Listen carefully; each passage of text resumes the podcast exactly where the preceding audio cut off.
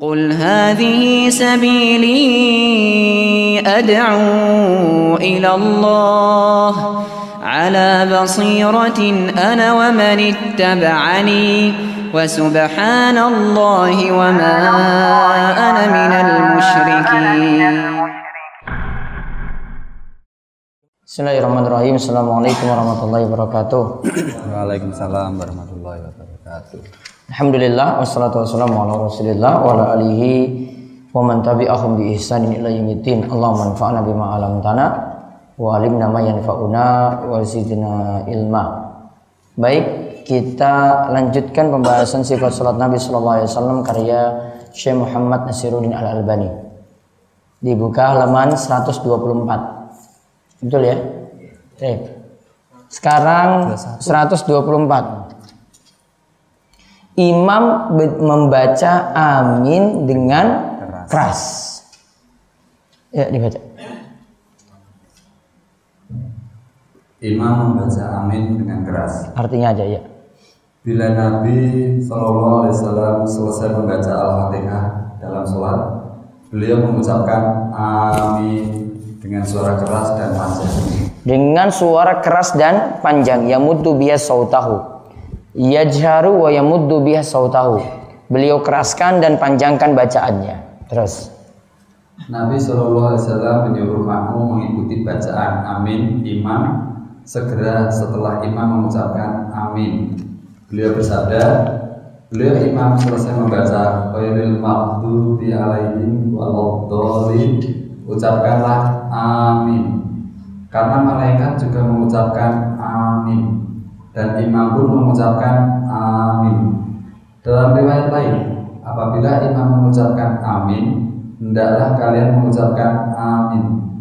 Barang siapa ucapan aminnya bersamaan dengan ucapan malaikat, dalam riwayat lain disebutkan, bila seseorang di antara kamu mengucapkan amin dalam sholat bersamaan dengan malaikat di langit mengucapkannya, dosa-dosanya masa lalu diampuni. Nah, itu keutamaan seseorang yang mengucapkan amin. Namun di sini yang dimaksud itu aminnya barengan iman. Ya, aminnya itu barengan imam. Bukan berarti di sini imam baca amin dulu selesai baru makmum amin, bukan.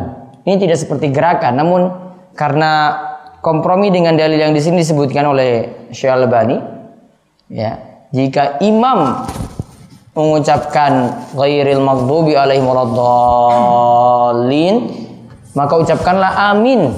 Berarti artinya imam yang mengucapkan amin berbarengan dengan jamaah atau makmum juga mengucapkan amin. Tidak ada selang waktu antara imam dan jamaah. Bukan berarti imam dulu ucapkan baru jamaah ucapkan. Terus.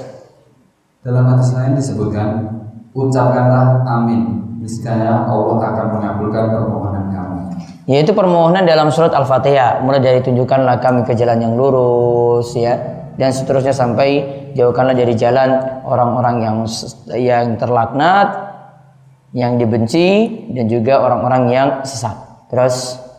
Beliau juga bersabda, tidak ada suatu hal yang sangat dibenci oleh kaum Yahudi terhadap kaum sekalian, selain ucapan salam dan amin.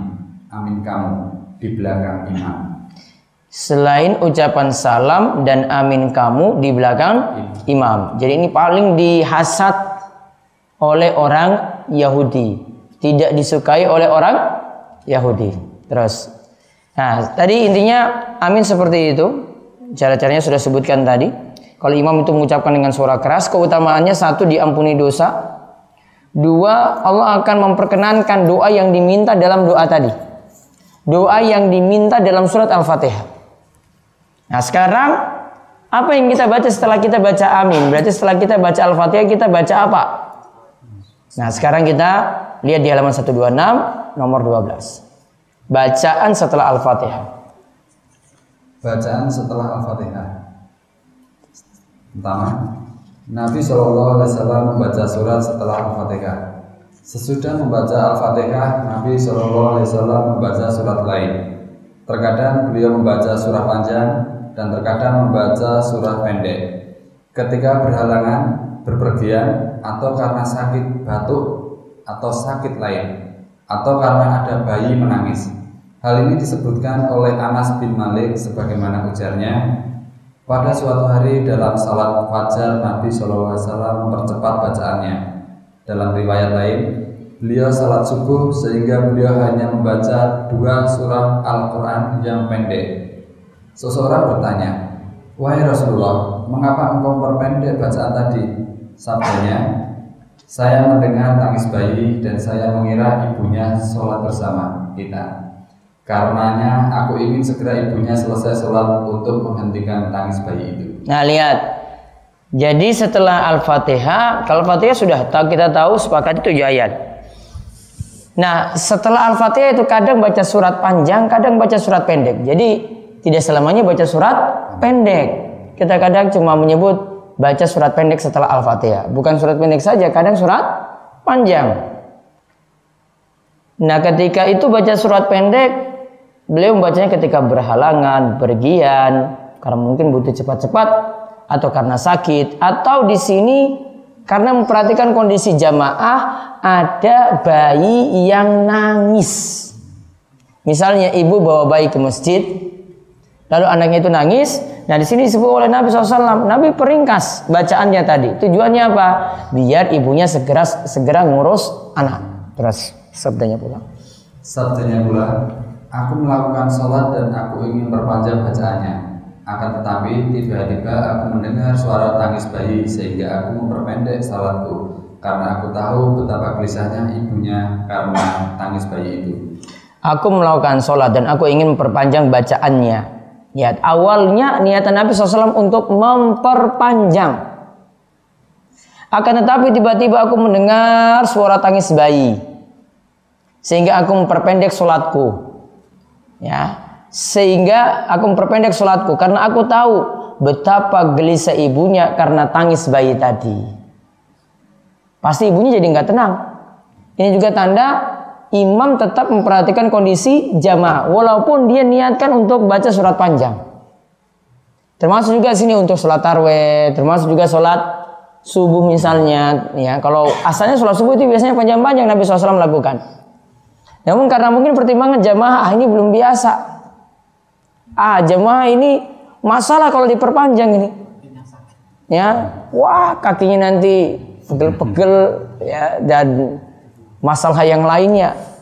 Mungkin juga setelah itu jamaah nggak mau datang lagi ke masjid. Kadang ini orang-orang baru yang masuk. Kemudian eh contohnya itu misalnya anak-anak KKN. Ya karena lagi datang sih semangat-semangatnya untuk dakwahi masyarakat, baca suratnya itu panjang. Sering dapat komentar kayak gitu. Ustaz ini ada anak kakek bacanya panjang itu anak kakek yang salah itu nggak perhatikan kondisi jamaah. Kalau jamaah itu biasanya surat kulkul saja. Maksudnya pendek-pendek, gak mesti kulkul. Maka mesti dia perhatikan ah mungkin kalau dia baca surat yang juz 29 30 dia bisa potong-potong kalau surat itu panjang dua ayat tiga ayat sudah Ya, sekalian membiasakan mereka juga lihat ayat yang lain, namun tetap memperhatikan kondisi mereka juga tidak terlalu lama. Terus Nabi Shallallahu Alaihi Wasallam sering membaca suatu surah dari awal sampai selesai. Beliau bersabda, berikanlah setiap surah haknya, yaitu dalam setiap rakaat, ruku dan sujud. Lihat, berikan setiap surat haknya. Artinya paling bagus baca dari awal sampai selesai. Ini yang paling bagus. Walaupun tidak masalah memang dan tetap sah kalau kita potong dari tengah sampai akhir atau dari awal sampai tengah atau dari tengah-tengah saja diambil, boleh. Namun yang afdolnya ini dibaca dari awal sampai akhir dan ini yang biasa dilakukan oleh Rasulullah SAW. Misalnya Rasul contohkan beliau membaca surat As-Sajadah dan surat Al-Insan ketika sholat subuh pada hari Jumat. Ketika sholat subuh pada hari Jumat. Maka dimaksudkan asajadahnya full. Dibaca tiga halaman. Sa'rokaat. Ya. Sa'rokaat. Terus al-insannya full. Dua halaman. Ya dibaca full seperti itu. Baiknya tidak potong-potong. Namun kalau jenengan lakukan ini saya khawatir nanti kalau langsung terapkan ini di masyarakat. Ya, bubar. Ya.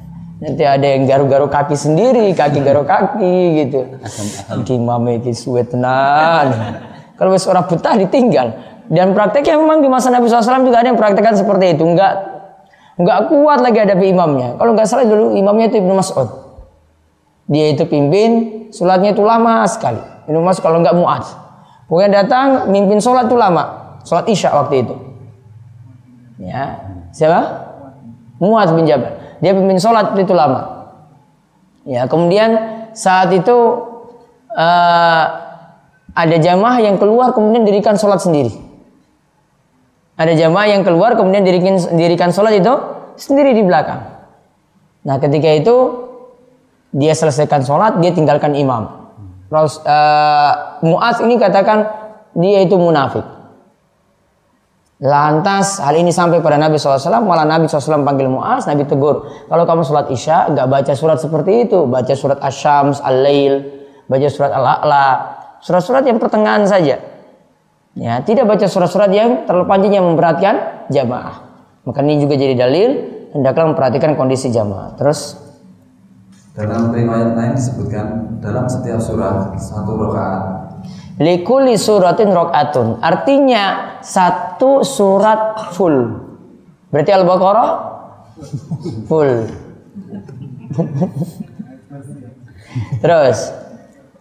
Terkadang beliau membagi satu surah untuk dua rakaat. Nah, satu surat bagi dua rakaat. Terkadang seperti itu. Terus.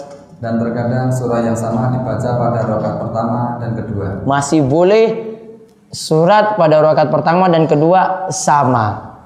Rakaat pertama al-ikhlas. Rakaat kedua al-ikhlas. Sah. Masih boleh. Terus.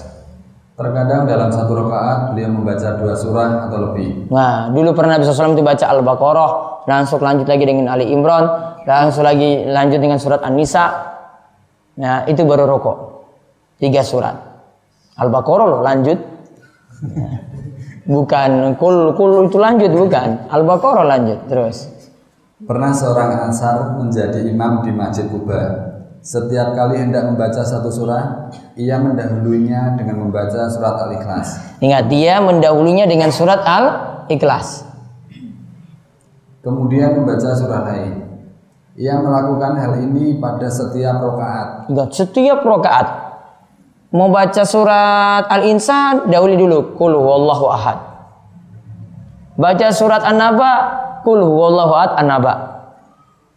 Dia seperti itu terus. Lalu sahabat-sahabat lain berkata kepadanya, "Engkau selalu membaca surat Al-Ikhlas sebelum membaca surat berikutnya." Kemudian engkau tampaknya menganggap tidak cukup membaca yang lain tanpa membaca Al-Ikhlas. Sekarang silakan kamu memilih membaca Al-Ikhlas saja atau membaca yang lain. Dia menjawab, "Saya tidak mau meninggalkan surah ini surah itu. Kalau kamu suka dengan perbuatanku itu, aku akan tetap mengimami kamu. Tetapi jika kamu tidak suka, aku akan meninggalkan kamu. Padahal mereka menganggap orang ini adalah yang terbaik di antara mereka dan mereka tidak suka orang lain mengimami mereka. Ketika ya, ini orang yang paling baik ya. Terus ketika Nabi ketika Nabi datang berkunjung kepada mereka, mereka menceritakan kejadian itu kepada beliau. Lalu bersabda lalu sabdanya wahai fulan mengapa kamu menolak apa yang diperintahkan teman-temanmu kepadamu? Apa alasan kamu tetap membaca surah tersebut setiap rakaat? Jawabnya saya mencintainya. Beliau bersabda kecintaanmu kepadanya akan membawamu masuk surga. Nah berarti mencuk uh, satu surat diulang tiap rakaat masih boleh Ya, nah?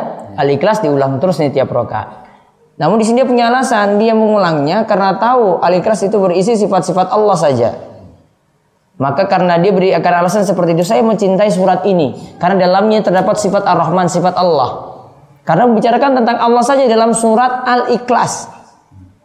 Kecintaanmu kepadanya akan membawa masuk surga kata Nabi SAW. Berarti ini jadi sebab dia itu masuk surga. Ya, itu saja yang kami sampaikan. Mungkin-mungkin manfaat. Subhanakallahumma bihamdika. Assalamualaikum warahmatullahi wabarakatuh. Waalaikumsalam.